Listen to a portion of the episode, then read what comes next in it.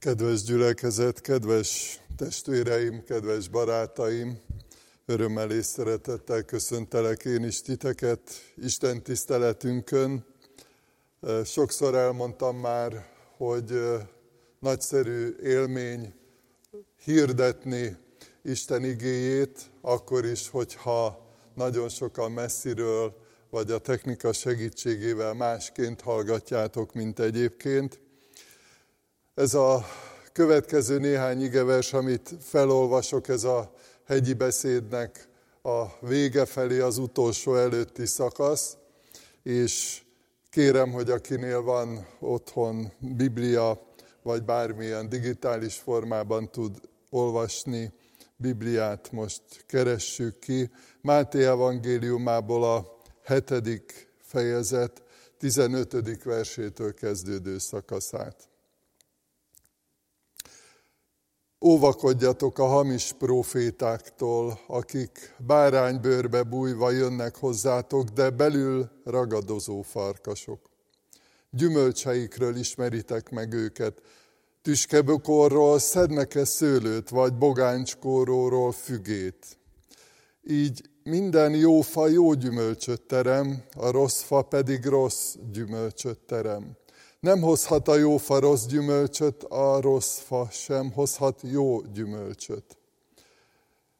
Amelyik fa nem terem jó gyümölcsöt, azt kivágják és tűzre vetik, tehát gyümölcseikről ismeritek meg őket. Nem mindenki megy be a mennyek országába, aki ezt mondja nekem, Uram, Uram, hanem csak az, aki cselekszi az én mennyei atyám akaratát. Sokan mondják majd nekem azon a napon, Uram, Uram, nem a te nevedben profétáltunk-e? Nem a te nevedben űztünk-e ördögöket, és nem a te nevedben tettünk-e sok csodát? És akkor kijelentem nekik, sohasem ismertelek titeket, távozzatok tőlem, ti gonosztevők. Eddig olvastuk Isten igéjét. Ezt a címet adtuk a mai igehirdetésnek, hogy vigyázzatok, hogy vannak veszélyek, amelyek miatt vigyáznunk kell. Az a gondolat jutott eszembe, hogy sokszor, amikor akár gyermekként, vagy már fiatalként elindultunk valahova, akár mondjuk autóval, vagy valamilyen utazásra, akkor sokszor a szüleink biztattak, hogy, hogy vigyázzatok, hogy veszélyek leselkednetek ránk, és akkor lehet, hogy már legyintettünk, és azt mondtuk, hogy hát, már tudjuk, mi mindent tudunk, tehát nekünk nem kell mondani, minket nem kell figyelmeztetni, mi tudjuk. Egy kicsit ilyen érzésünk lehet, hogy ha sokszor olvastuk a Bibliát, régóta olvassuk a Bibliát, hogy hát ezt már tudjuk. Ezt már olyan sokszor hallottuk, olyan sokszor olvastuk. Hát tudunk magunkra vigyázni, úgy gondoljuk, és néha elképzelhető, hogy túlságosan magabiztosak vagyunk, és úgy, úgy gondoljuk, hogy, hogy minket nem lehet becsapni, minket nem lehet megtéveszteni. Mi tudjuk az igazságot, tudjuk, hogy mihez viszonyítsunk, nem kell vigyáznunk, vagy nem kell annyira vigyáznunk. Lehet, hogy néha Istennel is így vagyunk, hogy azt mondjuk neki, hogy én ezt már tudom. Szeretnék még bevezetőben annyit elmondani, hogy, hogy a hamis profétákról szólva, fontosnak tartom megjegyezni, hogy, hogy pontosan meg tudjuk határozni, hogy mire gondol itt az Úr Jézus, vagy hogy jól, jól értsük.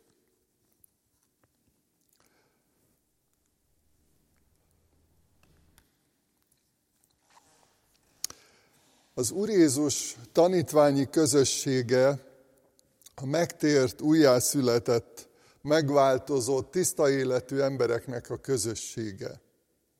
Felekezeti határok nélkül, nemzet nemzetségi vagy nemzetiségi határok nélkül, vagy elválasztó vonalak nélkül. Egy nagy család, egy nagy közösség, mondhatjuk így, egy nagy gyülekezet vagyunk. Ugye érdekes, hogy sok egy ház van, tehát igazából egy ház van, egy nagy közösség van, ami Jézus Krisztus teste, ahogy Pálapostól egy képet meghatároz, hogy, hogy a gyülekezet, mi egyenként a testvérek vagyunk Krisztus testvérek a tagjai, és Krisztus a gyülekezet feje. Tehát ő, ő az, aki összefog, ő az, aki irányít minket. Igaz, hogy nem minden részletkérdésben látunk egyformán, ezért is van olyan sokféle felekezet, amit néha elég nehéz megmagyarázni olyanoknak, akik keresik Istent, vagy szeretnének megismerkedni a Szentírás igazságaival. De tény az, hogy, hogy vannak különbözőségeink a kereszténységen belül, az egyházon belül, az egyház közösségén belül. Gondoljunk itt a keresztség kérdésére, vagy a bemerítés kérdésére, vagy gondolhatunk arra, hogy vannak olyan közösségek, vannak olyan felekezetek, ahol sokkal kötöttebb, sokkal inkább szabályozottabb az Isten tiszteleti forma, idegen szóval a liturgia van, ahol sokkal lazább, vagy könnyedebb, vagy, vagy kötetlenebb ilyen értelemben a liturgia. Tehát, hogy azt akartam mondani ezzel, hogy, hogy vannak különbségek, de ez nem tragédia, hogyha szeretjük egymást.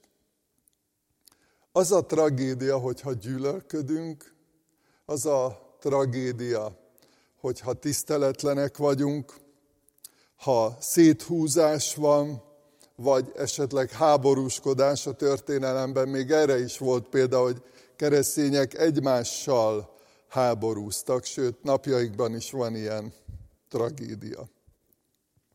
Bűnbánattal kell beismernünk, belátnunk azt, hogy volt ilyen, és van ilyen, hogy a kereszténység hiteltelenné vált a viselkedése miatt, a szeretetlensége, a tiszteletlensége miatt.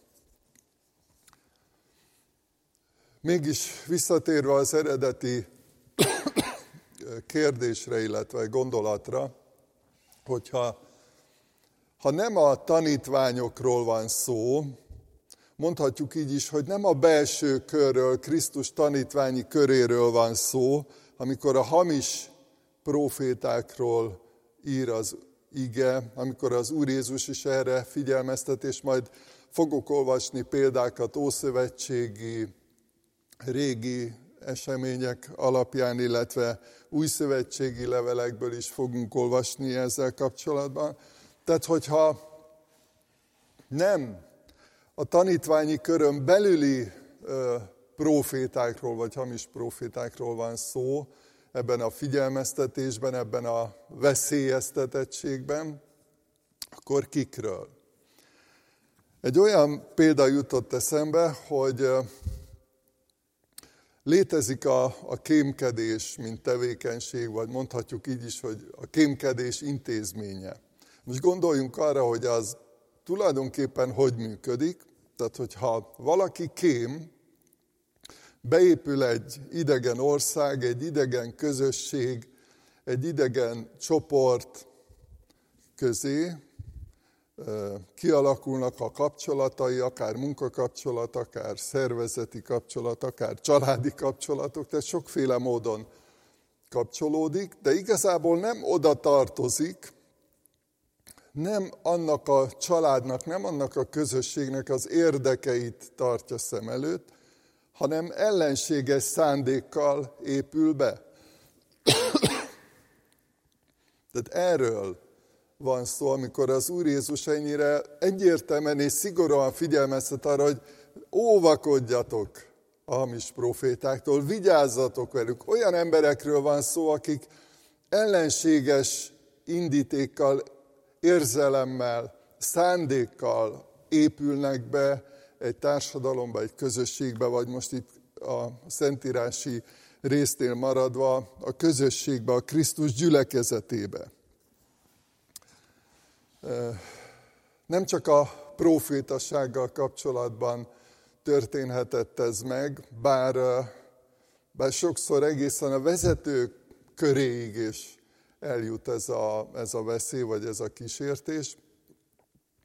Én személyesen átéltem azt, amikor katona voltam, hogy, hogy valaki följelentett egy igehirdetésért, aki ott ült a padok között, vagy a padokban, a mai napig nem tudom pontosan, hogy, hogy ki lehetett az, és, és szó szerint leírta a mondataimat, ami szerinte ártalmas volt, vagy akkoriban volt egy ilyen kifejezés, hogy, hogy az izgatás bűncselekményét követtem el szerinte.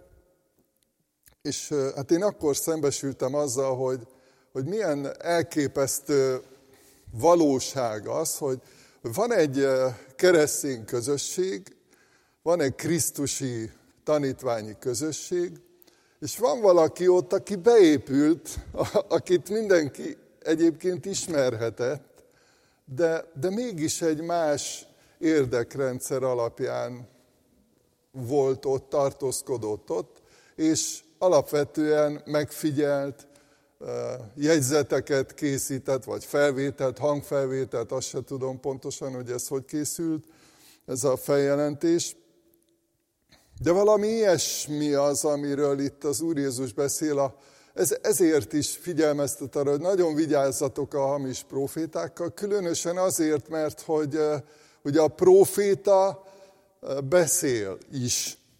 Nem csak megfigyel, nem csak részt vesz, nem csak valamilyen módon bekapcsolódik vagy beépül, hanem, hanem információkat közöl, adott esetben tanít, és azzal az igényel lép föl, legalábbis azt mondja, ugye, hogy Isten üzenetét képviseli, tehát hogy Isten érdekeit képviseli, közben pedig ellenséges szándékkal, ellenséges módon van ott.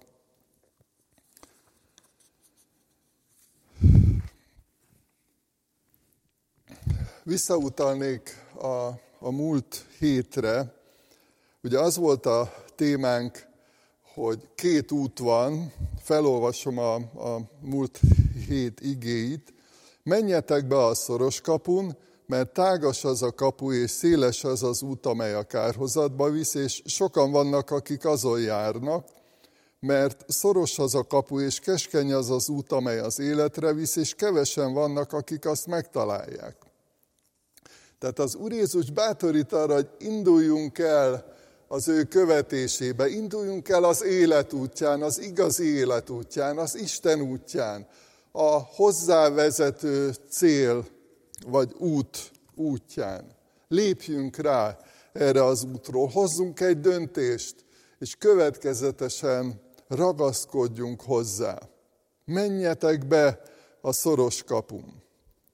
És ugye ez a mai ige, vagy ez a mai figyelmeztetés pedig ugye a 15. versben így hangzott, óvakodjatok a hamis profétáktól, vagy a 22. versben, sokan mondják majd nekem a napon, Uram, nem a te nevedben profétáltunk, nem a te nevedben űztünk-e ki ördögöket, nem a te nevedben tettünk-e sok csodát. Tehát olyan emberekről, olyan személyekről, olyan meghatározó vezetőkről van szó, akik igazából nem ezen az úton járnak, nem a Krisztus követésében vannak, és minket is, a tanítványokat, az Úr Jézus tanítványait szeretnének elcsalogatni, vagy lecsalogatni erről az útról.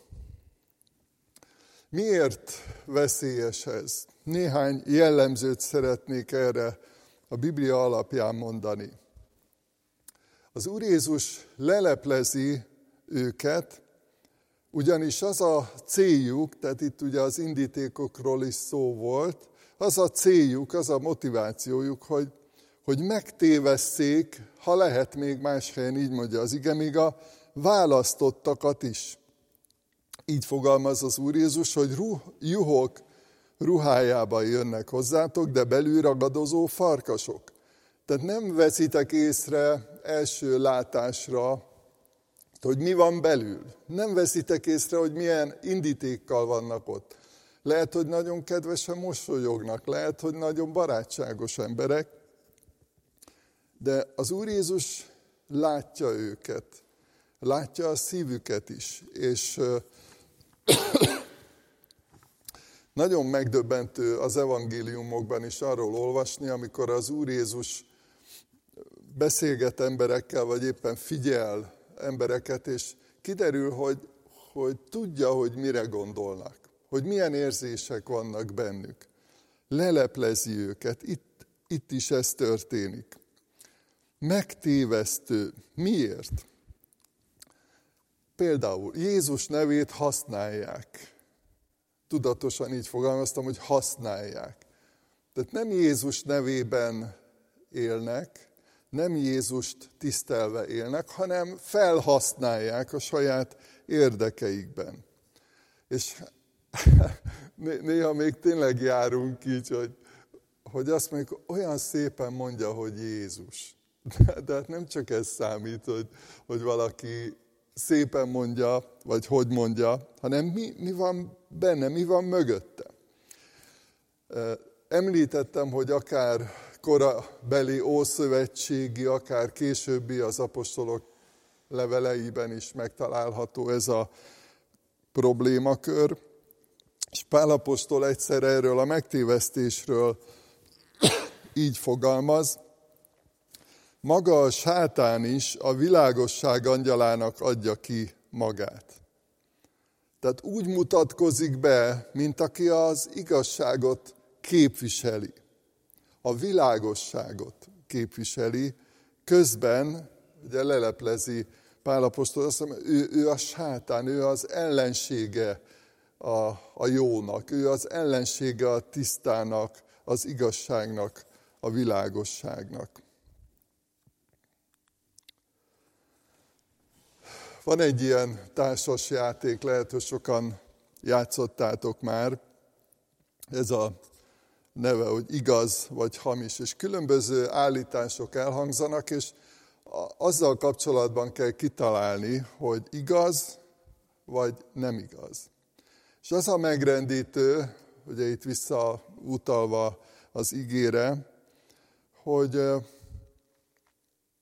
hogy ez nem játék. Tehát amikor át kell gondolni azt, vagy valamivel, vagy valakivel kapcsolatban magunkban is, vagy akár együtt közösen is döntést kell hozni, vagy állást kell foglalni, hogy igaz vagy hamis, akkor az nem játék. Az élet vagy halál kérdése, és ezért is boldogok, akik éhezik és szomjózzák az igazságot, nem a hazugságot, nem a hamisságot. És ugye ma azt gondolom, hogy hogy az egyik legnagyobb küzdelmünk, belső harcunk éppen emiatt van, hogy hogy, hogy találjuk meg az igazságot. Annyi hamisság van, annyi tévedés, annyi rossz indulatú hír, információ van, amit tudatosan hamisítanak. Igaz vagy hamis? Egy keresztény közösségben, akár szűkebb körben, akár nagyobb összefüggésekben nehéz feldolgozni azt, hogy nem hihetünk mindenkinek. János apostol, aki szintén szembesült azzal, miközben sok embernek hirdette az evangéliumot és gyülekezetet szervezett, és minden erejét megfeszítve Krisztus ügyét képviselte, azt írja, Szeretteim, ne higgyetek minden léleknek, hanem vizsgáljátok meg a lelkeket, hogy azok Istentől valók-e, mert sok hamis próféta jött el a világba.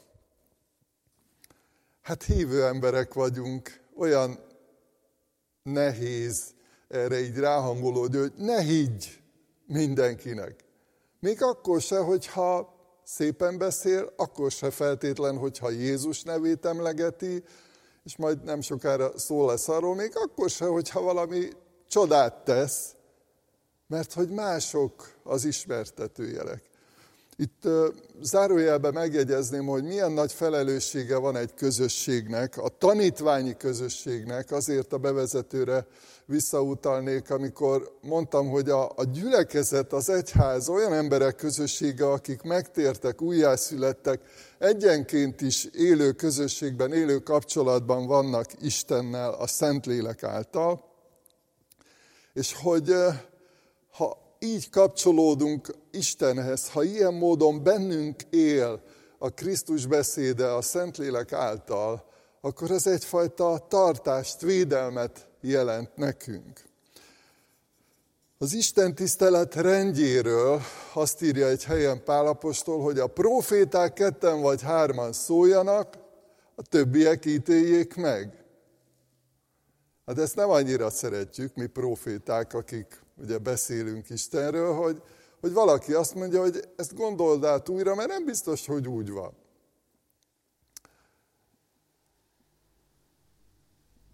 Tudnunk kell, hogy mi az igaz, és mi a hamis. És ebben egymás mellé oda állított társként, testvérként, támogatóként minket Isten a bölcsességünkkel, a felkészültségünkkel, az Isten ismeretünkkel, az ige ismeretünkkel, a, az érzékenységünkkel, ahogy, ahogy meg tudunk ítélni lelkeket, igazságokat, proféciákat, gondolatokat. Nagy ajándéka Istennek a, a közösség, a gyülekezet emiatt is. Ugye a proféták legtöbbször beszélnek. És azért így fogalmaztam ezt is, hogy, hogy, hogy tulajdonképpen ez egy ajándék a teremtettségünknél fogva. Élvezzük azt, hogy beszélni tudunk, és ugye amikor egy gyermek elkezdi mondani a szavakat, akkor is így próbáljuk biztatni, hogy mondjad, hogy helyesen mond, hogy jól ejtsd ki, aztán élvezzük, örülünk, amikor látjuk, hogy a szókincsük gyarapodik, és akkor mi is próbálunk ebben segíteni. Tehát mérhetetlenül nagy ajándék a beszéd. Ezzel nagyon sok mindent tudunk közölni. És a hit tekintetében is egy mérhetetlenül nagy ajándék a beszéd. Azt írja Pál a római gyülekezetnek, a hit hallásból van, a hallás pedig a Krisztus beszéde által. Tehát Krisztus beszél, az evangéliumot elmondta, ő is egyébként a földi szolgálatában nagyon sokszor megfogalmazta ezt, hogy térjetek meg, mert elközelített az Istennek országa. És akik megtértek, ezt az üzenetet közvetítették, hogy térjetek vissza Istenhez, jöjjetek vissza hozzá, jöjjetek haza, ott van a ti igazi otthonotok az Isten közelében, az Isten családjában. A beszéd ilyen mérhetetlenül nagy ajándék, ugyanakkor a hamis profétákra utalva nagy veszély is. Éppen azért, mert, ugye ahogy Jézus is megfogalmazza, használják sokszor a nevét. Az Ószövetségben is nagyon sok küzdelme volt Isten népének a hamis proféták miatt. Egyetlen egyet szeretnék kiemelni, egy igét, egy idézetet Jeremiás könyvéből. Nagyon sokat tudnék, de most nem az a cél, hogy minél több e, ilyen jellegű idézetet olvassunk. Jeremiás könyvéből a 14. fejezet 14. verse így hangzik. Az Úr ezt felelte nekem, hazugságot profétálnak a proféták az én nevemben. Nem küldtem őket, nem parancsoltam nekik, nem is szóltam hozzájuk. Hazuglátomást, hiába való varázsigéket, és maguk koholt a családságot profétálnak nekik. Itt is már érezhető az, amire az Úr Jézus utal a beszédében, hogy, hát, hogy hogy Isten nem, nem ismeri őket ilyen értelemben, nem küldte őket, nem mondott nekik, nem üzent nekik semmit, hogy közvetítsék, de ők mégis Isten nevére hivatkoztak.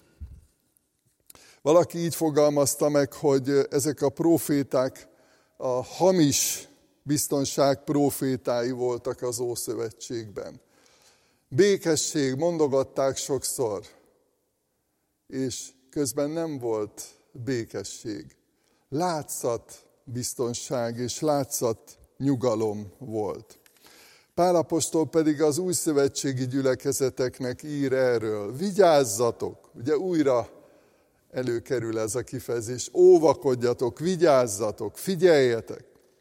Rabul ne ejtsen valaki titeket olyan bölcselkedéssel és üres megtévesztéssel, amely az emberek hagyományához, a világ elemeihez és nem Krisztushoz alkalmazkodik. Úgy is mondhatnánk, hogy nem Krisztushoz igazodik. Nincs összhangban az Úr Jézus Krisztus gondolkozásával, elveivel, a szeretetével, amit ő, amit ő képvisel. Akkor sem, hogyha egyébként érthető, világos beszéd. Akkor sem, hogyha hatásos, ha megnyerő, és el vagyunk képedve tőle, hogy hú, milyen jó, jól beszél. Nem, nem ezek a szempontok a legfontosabbak, hanem az igazság tartalma, a valóság tartalma. És nagyon érdekes, hogy Pálapostól megfogalmazza a profétákkal, a hamis profétákkal kapcsolatban, azt mondja olyan, hogy nehogy rabul ejtsen, tehát képes fogságba vinni, úgy behálózni, úgy megragadni a személyiségedet, a gondolataidat, az érzelmeidet, hogy utána nem tudsz tőle szabadulni, akkor se nagyon, hogyha egyébként már rájöttél, hogy, hogy baj van. Tehát, hogy nehogy rabul ejtsen valaki. Krisztushoz igazodik, Krisztusból táplálkozik, Krisztusi jellemű az igazi próféta.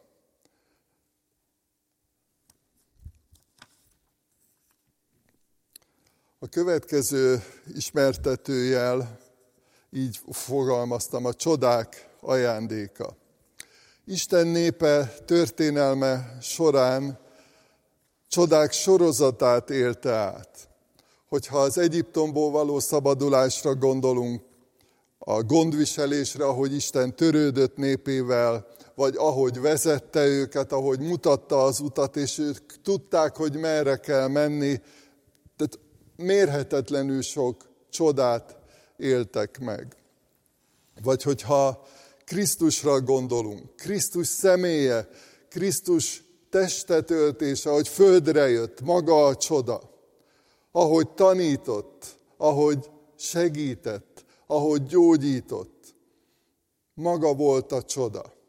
Ahogy vállalta, önként vállalta a szenvedést, a halált, maga a csoda. Akkor is, hogyha ebben nagyon sok szomorúság van, a bűnnek a keserűsége, a bűnnek a szomorúsága.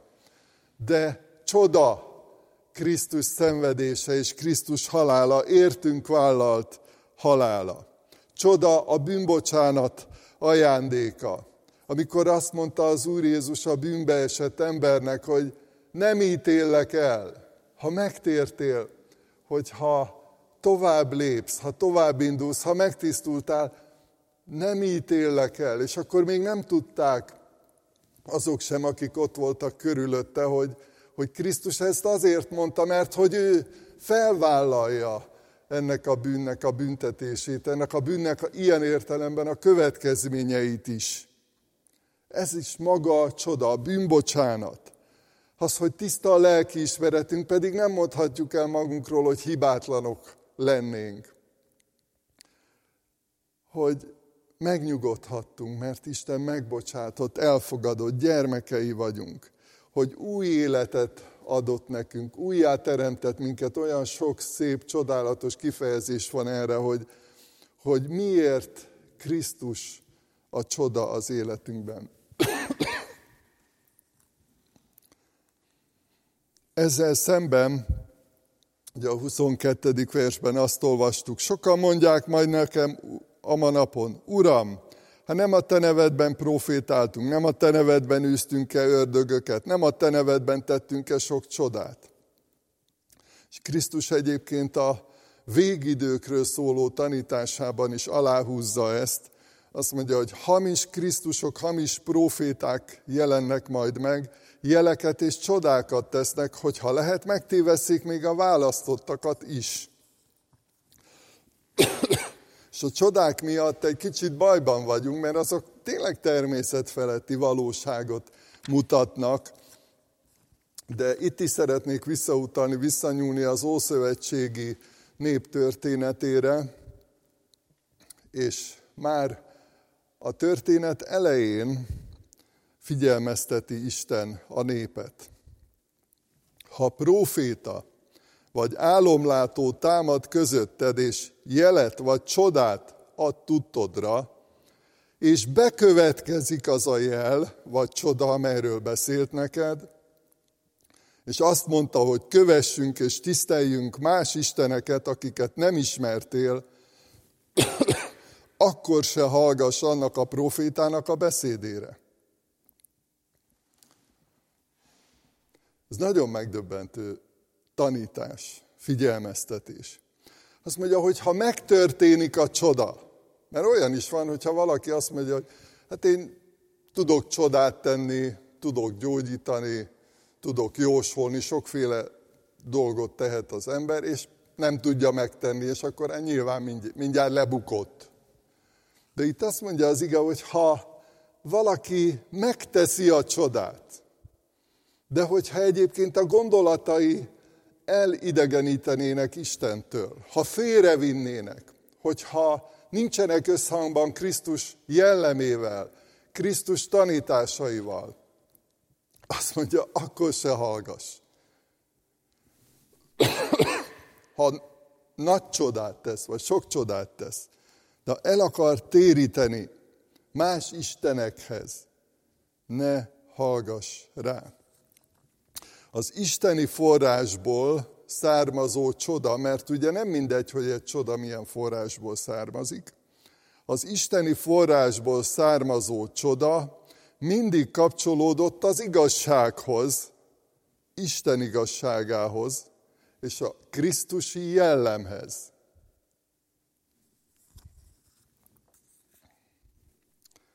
Itt mindenképpen szeretném beszúrni a, a szeretet himnuszát. Engedjétek meg, hogy felolvassam ezt most minden kommentár és magyarázat nélkül. De gondoljatok arra is, ami eddig elhangzott. Ha emberek vagy angyalok nyelvén szólok is, szeretet pedig nincs bennem, olyanná lettem, mint a zengőérc vagy pengő cimbalom.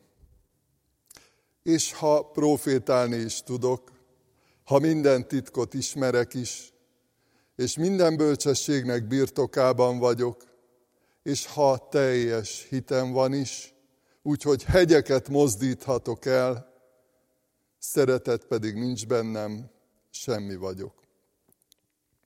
És ha szétoztom az egész vagyonomat, és testem tűzhalára szánom, szeretet pedig nincs bennem, semmi hasznom abból. A szeretet türelmes, jóságos, a szeretet nem irigykedik, a szeretet nem kérkedik, nem fuvalkodik fel, nem viselkedik bántóan, nem keresi a maga hasznát, nem gerjed haragra, nem rója fel a rosszat, nem örül a hamisságnak, de együtt örül az igazsággal. Mindent elfedez, mindent hisz, mindent remél, mindent eltűr. A szeretet soha el nem múlik.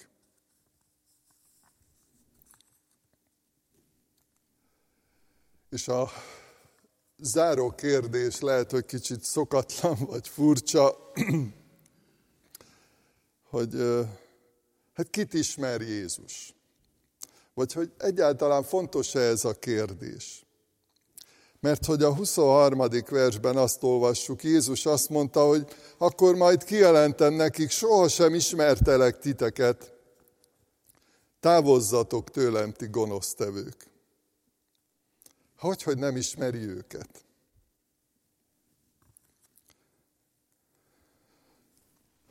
Isten mindenütt jelen van. a Szentlélek által mindenütt ez számunkra felfoghatatlan, mert hogy Isten létformája szellem, ugye a Biblia így írja idegen szóval pneuma. Tehát Isten nem olyan létformában létezik, mint mi. Mindenütt jelen van. Hát akkor hogy, hogy létezik, hogy, hogy nem ismer valakit? Vagy amit Jézus mond, hogy hát nem, nem ismerlek. Soha sem ismertelek. A Biblia megismerés szava sokkal több, mint amit ma általában az ismerettségről vagy megismerkedésről gondolunk. Szeretnék egy olyan, olyan példát mondani, hogy a hétköznapi életben érthető, például egy jó tanár-diák kapcsolat. Vannak olyan tanár-diák kapcsolatok, ahol egyébként lehet, hogy tudják egymás nevét, feladat érkezik, a beszámolás viszont érkezik. Tehát van, van egyfajta kommunikáció, van egyfajta hivatalos vagy hivatali kapcsolat, de, de egy jó tanár-diák kapcsolatban benne van a figyelem, benne van a kommunikáció, ahogy közlik egymással a gondolataikat, az érzéseiket. Benne van a támogatás, és benne van az ellenőrzés funkciója is. Tehát érezzük, hogy, hogy például a házassággal kapcsolatban is használja ezt a kifejezést a Biblia, hogy, hogy ismeri például Ádám a feleségét, egy életközösséget, egy szoros közösséget jelent. Jézus Krisztus ismeri a tanítványait, még azt írja a Biblia, még a hajunk szálait is számon tartja. Kapcsolatban van a tanítványokkal, jól ismeri őket. Az Úr Jézus több csodálatos példázatot mondott, és az egyik példázata a jó pásztor és a juhok példázata. Azt mondja az Úr Jézus egy beszélgetésben, itt ugye a képmutatóknak címzi ezt a mondatot, ti nem hisztek, mert nem az én juhaim közül valók vagytok. Az én juhaim hallgatnak a hangomra, én ismerem őket, ők pedig követnek engem.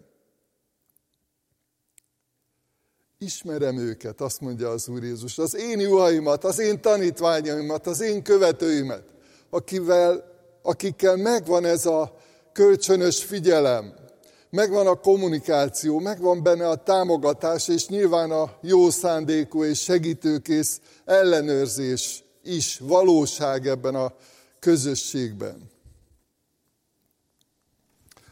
És a végső üzenet, biztonságban vagyunk. Nem kell félnünk, ugye érezzük a különbséget, hogy vigyáznunk kell, de nem kell félnünk. Három biztatás. Keressük az Istennel való személyes kapcsolatot. Megismerhetjük Isten tökéletes személyét, megismerhetjük a szívét, az érzelmeit, hogy hogy gondol ránk, hogy hogy szeret minket. Megismerhetjük ebben a személyes kapcsolatban az ő értékrendjét, hogy mi az igazán fontos. Megismerhetjük a válaszait, a reakcióit, ahogy már említettem, megismerhetjük az ő jellemét, és letisztul az Isten képünk. Ma egyébként ez egyik legnagyobb kihívása az emberiségnek, hogy, hogy nem ismeri Istent, vagy nem jól ismeri Istent. Keressük az Istennel való személyes kapcsolatot, mert megismerhetjük őt, és így kapcsolódunk hozzá törekedjünk a Szentírás teljes megismerésére. Elég sokszor kísértés az nekünk, hogy tetszik vagy szimpatikus egy-egy szakasz a Szentírásból, és többit félretesszük, nem gondolunk rá, nem annyira fontos. Megismerhetjük Istent a Szentíráson keresztül. Megismerhetjük az igazságot, a valóságot, a múltat. Nagyon sokat említettem egy pár igét a múltból is. Mennyit tanulhatunk belőle. Megismerhetjük Isten céljait, a jövőt, és igazodhatunk hozzá ez a proféciákkal kapcsolatban az előbb elhangzott, hogy, hogy igazodni Krisztushoz, Krisztus szemléletéhez, szeretetéhez. És végül kapcsolódj, vagy kapcsolódjunk, több szám első szemébe fogalmaztam, a tanítványi közösséghez. Egy jó tanítványi közösség kölcsönös, támogató jelenlétet hordoz. Ahogy ismerjük egymást, ahogy egy, kiegészítjük egymást, ahogy támogatjuk egymást, ahogy értsük jól, ellenőrizzük egymást szeretettel, úgy, ahogy a szülő a gyermekét, vagy testvére a testvérét, vagy munkatársa a munkatársát. Keressük az Istennel való személyes kapcsolatot, törekedjünk a Szentírás megismerésére, és kapcsolódjunk egy tanítványi közösséghez. Ezért fogok most imádkozni, hajtsuk meg a fejünket, és imádkozzunk.